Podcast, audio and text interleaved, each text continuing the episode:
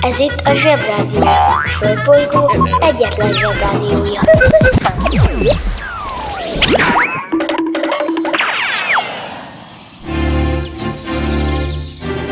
Zsebrádió!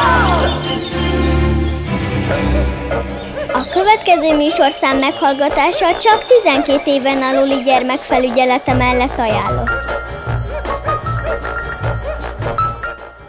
Hello, szavaztok, zsebik! Galambácsi vagyok, és február 15-e van kedden.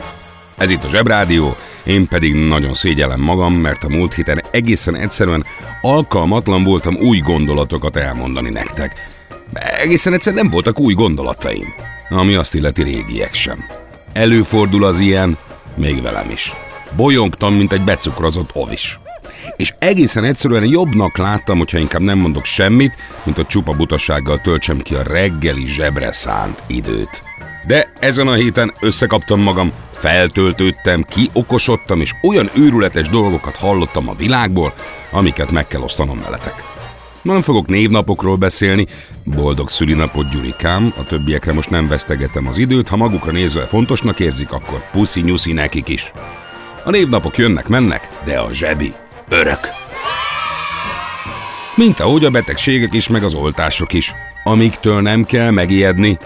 Ma nem lesz szuri, csak egy picit fogok beszélni róluk, egészen egyszerűen azért, mert teljesen el vagyok képedve attól, hogy manapság az emberek halálosan be vannak tojva egy vékony tűtől, meg hogy kapnak egy kis szúrást, és egy olyan szer érkezik a testükbe, amitől vagy meg fognak gyógyulni, vagy nem kapnak meg egy nagyon szörnyű betegséget. Manapság nagy divat félni ezektől az oltásoktól. Jó, az más kérdés, hogy mondjuk két hetes korunkban csecsemőként nem azért óbégattunk, mert tiltakoztunk az ellen, hogy megkapjunk egy védőoltást, hanem csak simán féltünk a szúrástól. Nem mint a tudtuk volna, hogy mi az. Tel is tele van a testünk védőoltásokkal, amelyeknek a nagy részét gyerekkorunkban kaptuk meg, mert ha nem kaptuk volna meg, akkor simán el is kaphattunk volna olyan betegségeket, amikben még manapság is megszokás halni. És ezt nem most találták ki.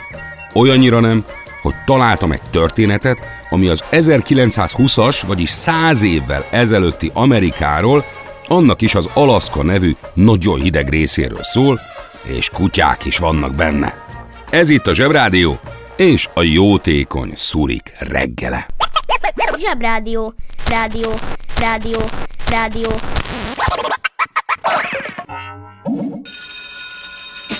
Bemegyek az oviba, suliba. Mindig a mamám hoz a buliba. De mikor a papa hoz a tutiba. Rendszeresen csemmegézünk sütiba. Megérkezünk, csekkolom a jellemet. Búcsúzáskor mindig van a jelenet. Hátöltözés, benti cipő, ölelés. Bemegyek és kezdődik a nevelés. Reggelente én vagyok a csoda lény. Cuki-muki odaadott ünnemény. A felnőtteket tenyeremből letettem Így lesz nekem sima ügy az egyetem. Láttam a barbit egy világos kiklovon Hogy Póni volt vagy szamár, eskü nem tudom. Az oviban napos, a suliban meg hetes Az ebéd az ugyanaz, de kilötyög a leves. Vége az ovinak, a mama megvárat. Biztos, hogy megment a mancsőrjára. Mi volt a házi? Nem emlékszem. Mit tenne ilyenkor? Tűzoltó szem. Napközi külön orra szabad idő. Húszosabb, melegítő tornacipő. Én, a Lozi, meg a Gyüli, meg a Bélus. Heti kettőt maladunk, mert váll a logopédus. Van akinek bocska, másoknak meg Balázs. Nekem minden reggel a zsebrádió a varázs. Milyen kit a pálya, mindenkinek ácsi. Minket hallgat minden gyerek, s minden néri bácsi. Van akinek bocska, másoknak meg Balázs. Nekem minden reggel a zsebrádió a varázs. Milyen kit a pálya, mindenkinek ácsi. Minket hallgat minden gyerek, s minden néri bácsi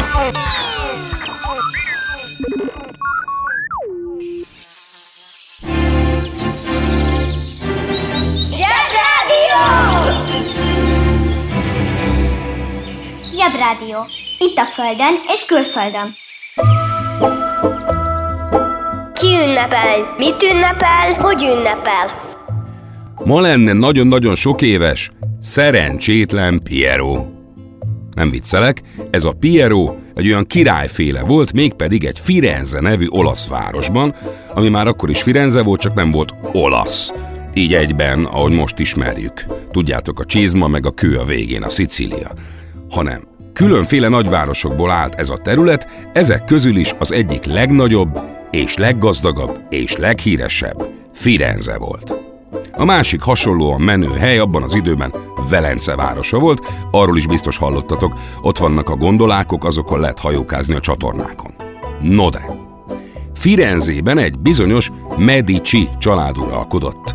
Nem királyok voltak, hanem olyan kormányzó félék, minden esetre náluk volt a lóvé, rájuk hallgatott a hadsereg, és nagyon-nagyon-nagyon sok pénzük volt, és nagyon befolyásosak voltak. És most kapcsoljuk az okostelefon. Befolyás.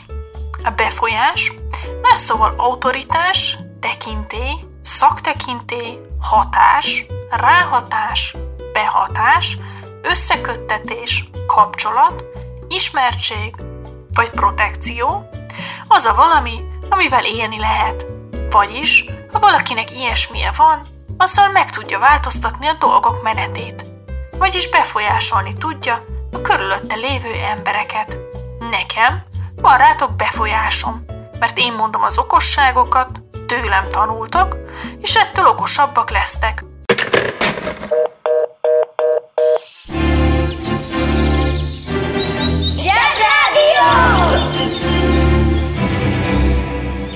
A Zsebrádió arra is választad, ami eddig nem volt kérdés.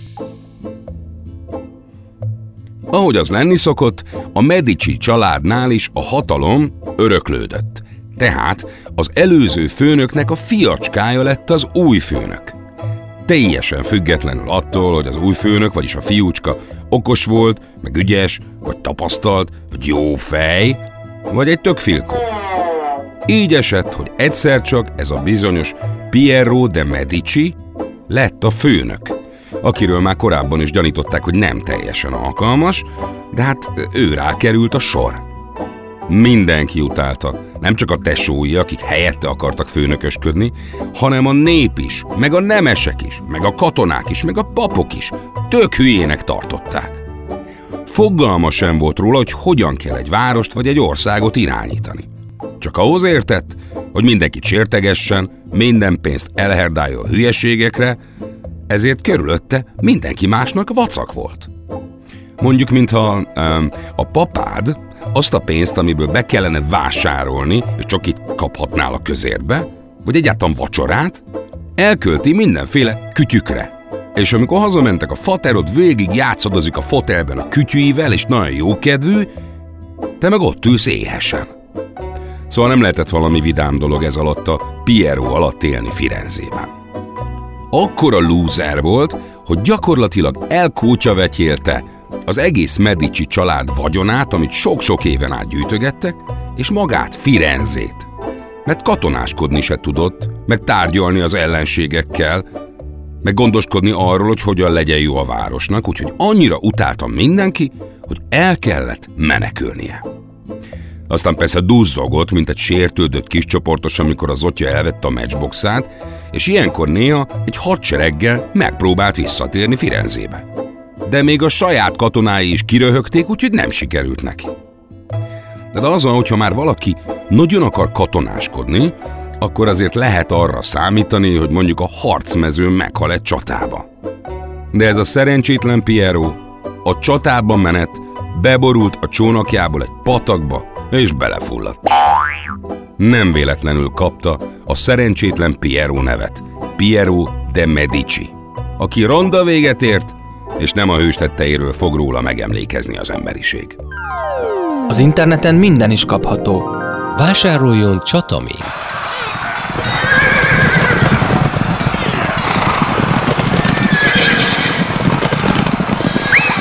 A csatamén kiváló szórakozás, akár baráti összejöveteleken is.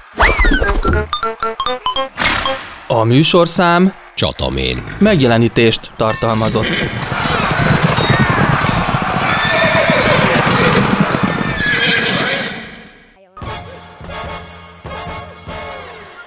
...1487. február 15-én született Heinrich von der Platz Heidelbergben, aki Worms, Utrecht és Freising és Elwangen hercege volt. Az idősebb testvére, 5. Ludwig, aki 1508-ban vette át apja választói méltóságát, halála után 1521-ben kinevezte Heirichet Elvange hercegi prépostjává, és 1524-ben adta neki a Wormsi püspökséget, ahol negyedik Heinrich néven szerepelt. Karl Meichelbeck történész Heirik püspököt jámbor és igazságos úriembernek nevezi, aki gondoskodott a szegény világi papságról. Életében soha nem kapott püspöki felszentelést. Mint az köztudott. Főzike só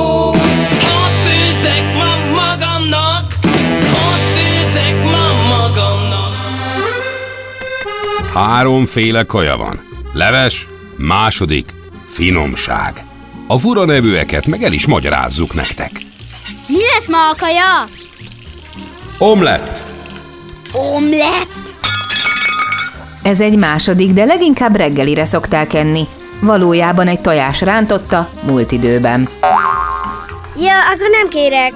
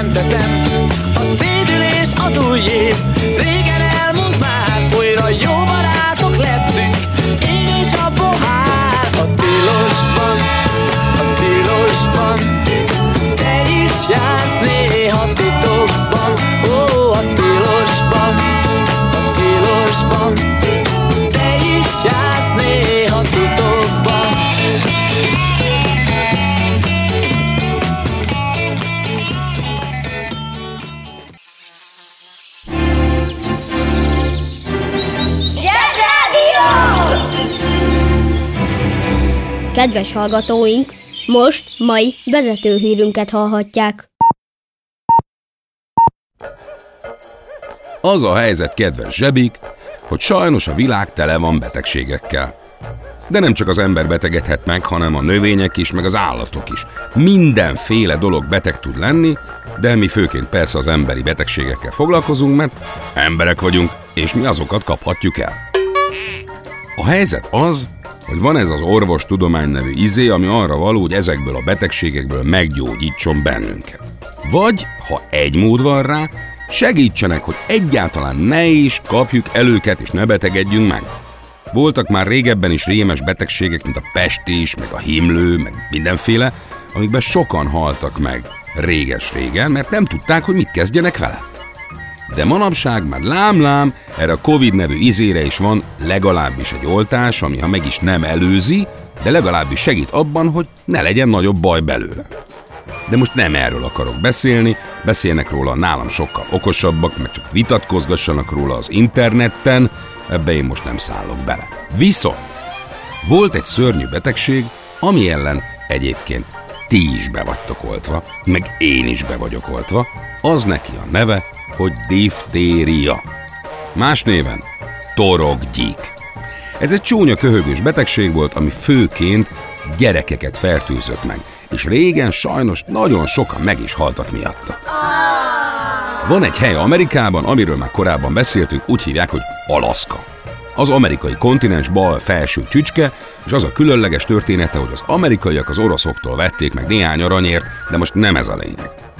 Az érdekes Alaszkában az, hogy borzasztóan északon van, nagyon közel az északi sarkörhöz. Úgyhogy ennek megfelelően jó sok eszkimó lakik errefelé. És ha leesik a hó, már pedig Alaszkában gyakorlatilag állandóan esik a hó, akkor azt a helyet megközelíteni igen-igen nehéz, és régen is nagyon nehéz volt. Ha tél van, ma is csak repülővel lehet eljutni oda, mert annyira hideg tud lenni, hogy még a tenger is befagy. Száz évvel ezelőtt Nome városában, ami Alaszka felső csücskében van, kitört ez a bizonyos diftéria nevű járvány, vagyis szegény gyerekek, sőt még a felnőttek is köhögtek és szenvedtek a torok gyíktól.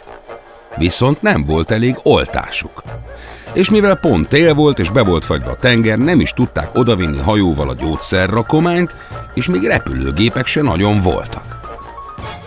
Télen abban az időben Alaszka északi részét csak is kutya szánnal lehetett megközelíteni. A kutya szán egy olyan jármű volt, ami olyan, mint egy nagyobb fajta szánkó, ami elé nem lovag meg rénszarvasok vannak befogva, hanem úgynevezett szánhúzó kutyák, mint a huskik. Ezek a szánhúzó kutyák éjszakon laknak a jeges északi sarkör környékén, és már az eszkimók is használták őket, úgyhogy hozzá vannak szokva borzasztó hidegekhez. Na most a borzasztó hideget ne úgy tessék elképzelni, ahogy ismerjük, vagyis hogy úristen, már mínusz 5 fok van, kicsit fázik a kezem, föl kell venni a pufi jackit, de a szaladgálok, akkor nincs semmi baj. Nem. A borzasztó hideg azon a környéken elérheti a mínusz 50 fokot is amitől nem csak a teánk fagy meg a pohárban egy pillanat alatt, hanem a nyálunk is azonnal jégcsappá változik, a kifolyik a szánk sarkából. Wow! Úgyhogy ott tényleg iszonyatosan cidri, dermesztő, rettenetes hideg van télen. Akkora a hideg, hogyha manapság valaki aranyat akar ásni arra felé, ezt onnan tudom, hogy vannak ilyenek, mert egy csomó aranyásos filmben kell beszélnem ezeken az ismeretterjesztő tévéken, akkor egy évben összesen 8 hétig, vagyis két hónapig van annyira meleg, hogy nincsen megfagyva a föld meg a víz. Szóval legalább 7 hónapig van tél arra felé. Akar a fene eszkimó lenni. Húzd meg jobban, menj el a munka, aki itt van, mindenki Mi lesz, ha nagy leszel? Atapaszka kutyaszánhajtó. A kutyaszánhajtó olyan ember, aki kutyákkal vontatott szánt hajt. Érteni kell a kutyák viselkedéséhez, tartásához, etetéséhez, edzéséhez és tenyésztéséhez is. A szán elé befogott kutyacsapatot kizárólag a hajtó parancsszava irányítja. A fogat élén futó vezérkutya pontosan végrehajtja az utasításokat, a hajtó parancsára balra vagy jobbra téríti el a fogatot, gyorsabb vagy lassabb iramot diktál. A hajtó a szántalpakon rollerozhat, vagy hátul futva tolhatja a szánt, ezzel segítve a csapat munkáját. Nagyon jól kell ismernie a terepviszonyokat, mert roppant kellemetlen dolog, mikor az ember belekormányozza az egész fogatot egy szakadékba. Kutyaszánhajtó még lehetsz, de atapaszka sajnos nem, ugyanis annak születni kell. Mert az atapaszkák nem mások, mint azok az indiánok, akik Alaszka területén élnek törzsi közösségekben. Working in a coal mine, going down, down, down. Working in a coal mine, about to step. Working in a coal mine, going down, down, down. Working in a coal mine, about to step Zsebrádió! A helyzet komoly, Freddy fogoly!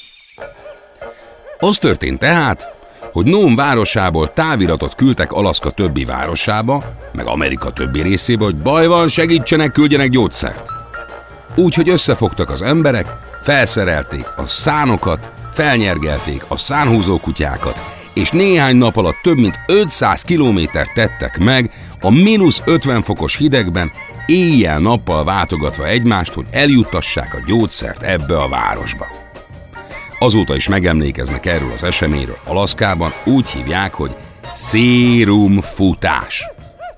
Ez úgy nézett ki, hogy elindultak egy városból, vitték a gyógyszeres csomagot, megtettek 50-100 kilométert egy szánnal és a kutyákkal, Megérkeztek a következő településre, ahol már készen várta őket egy másik felszerelt szán egy adag kipihent szánhúzó kutyával és egy másik futárral, aki átvette a csomagot és rohant tovább, vitte a gyógyszereket az erdőkön, a hatalmas tundrán keresztül, a következő városba és így tovább, amíg el nem értek Nómba, ahol szétosztották az oltást és megmentették az alaszkai gyerekeket a szörnyű betegségtől.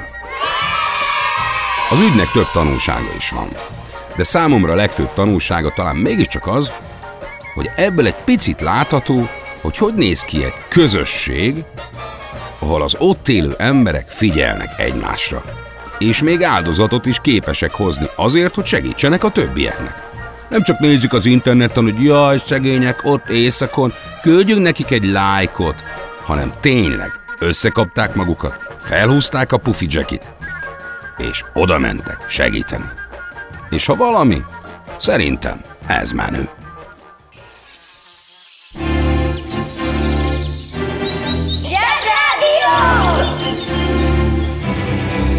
Kedves felnőttek, köszönjük, hogy ma reggel is türelmükkel támogatták, hogy most már nekünk is van rádió. Nem hiába izzadt ránk a pufi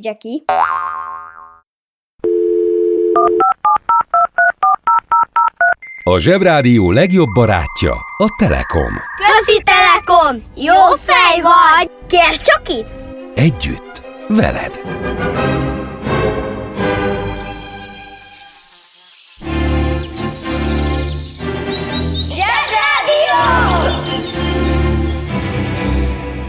Aki keres, az talál.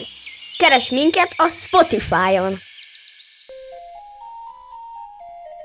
Most pedig jöjjön Dóri néni és egy olyan sport, amit azért nyáron sokkal kényelmesebb űzni. Sziasztok, Zsebik! Ma a Jeu Pamról fogunk beszélni, amiről mindenki tudja, hogy micsoda, még akkor is, ha azt hiszi, hogy nem tudja. A Jeu Pam ugyanis a tenisz eredeti neve volt. Akkor hívták így, amikor még csak a franciák ismerték, és nem ütővel, hanem tenyérrel kellett visszapasszolni a labdát az ellenfélnek. A pam ugyanis franciául tenyeret jelent.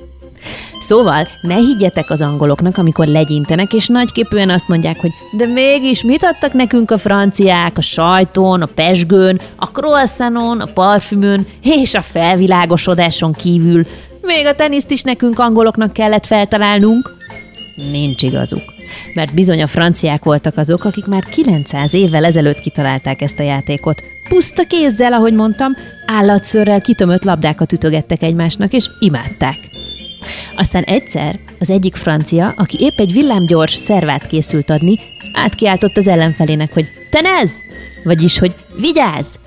És nem tudhatta, hogy ezzel a kiáltással egy később rettenetesen népszerű játék nevét találja ki éppen. Mert bizony ezt a tenez felkiáltást értették úgy az angolok, hogy tenisz. És amikor náluk is elterjedt a játék, ők már ezen a néven emlegették. Ma már ütővel és háló fölött játszuk a teniszt, és persze nem szőr, hanem levegő van a labdában, és az egyik legnépszerűbb sportá vált a foci mellett. Legalábbis a nézőit tekintve. Mert azért annyian nem játszák, mint a focit.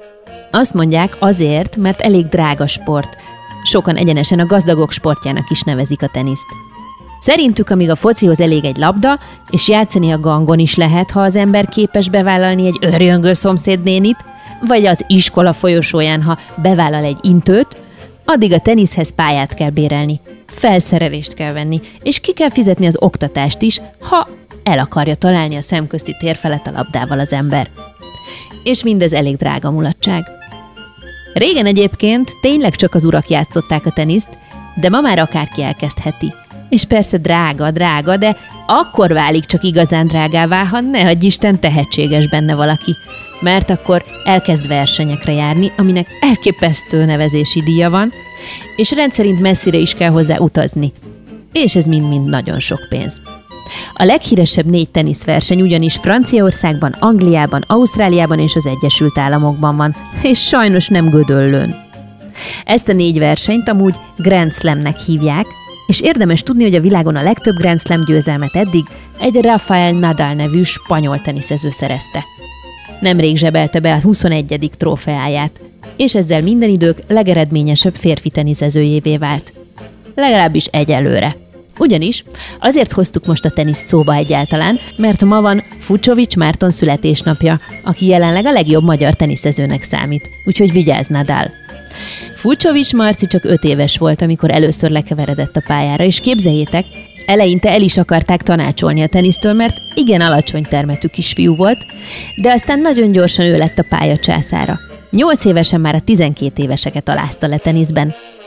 Fucsovics Marci ma a 39. legjobb férfi teniszező a világon, aki juniorként, vagyis amikor tizenévesek között versenyzett, már Grand Slam bajnok is volt. Felnőttként pedig kétszer volt a legjobb 16 versenyző között. Reméljük, lesz még egyszer Fucsovics Marci kezében is Grand Slam kupa, addig is boldog születésnapot kívánunk neki! Az interneten minden is kapható. Töltsön le Zsebrádió applikációt. Yetit még sose látott senki, de mindenki tudja, hogy hogy néznek ki. A Zsebrádió applikáció kiváló szórakozás, akár baráti összejöveteleken is. A műsorszám Zsebrádió applikáció. megjelenítést tartalmazott. Zsebrádió. Hallgatni arany. Ma 75 éves Nádasdi Ádám bácsi, aki több dologról is híres, egyrészt arról, hogy ő Vilma anya apukája, másrészt pedig arról, hogy ő egy nagyon fontos műfordító. Azt már tudjuk, hogy ez mit jelent, külföldi műveket, vagyis irodalmi alkotásokat fordít le magyarra. Ő azért nagyon különleges műfordító, mert olyan nyelvezeten írja meg a magyar szövegeket, amit egy mai gyerek meg egy mai ember is kiválóan megért, és roppantól szórakoztatni tud bennünket egy több száz évvel megírt színdarab, ha Nádasdi Ádám bácsi szövegein szólal meg. Boldog születésnapot, Nádasdi úr! Ez volt már a zsebi, jövő héten újra találkozunk, holnap Zsozsó bácsi vár benneteket, addig is Salipali grill fondű tánc. Szavaztok! Kedves szülő!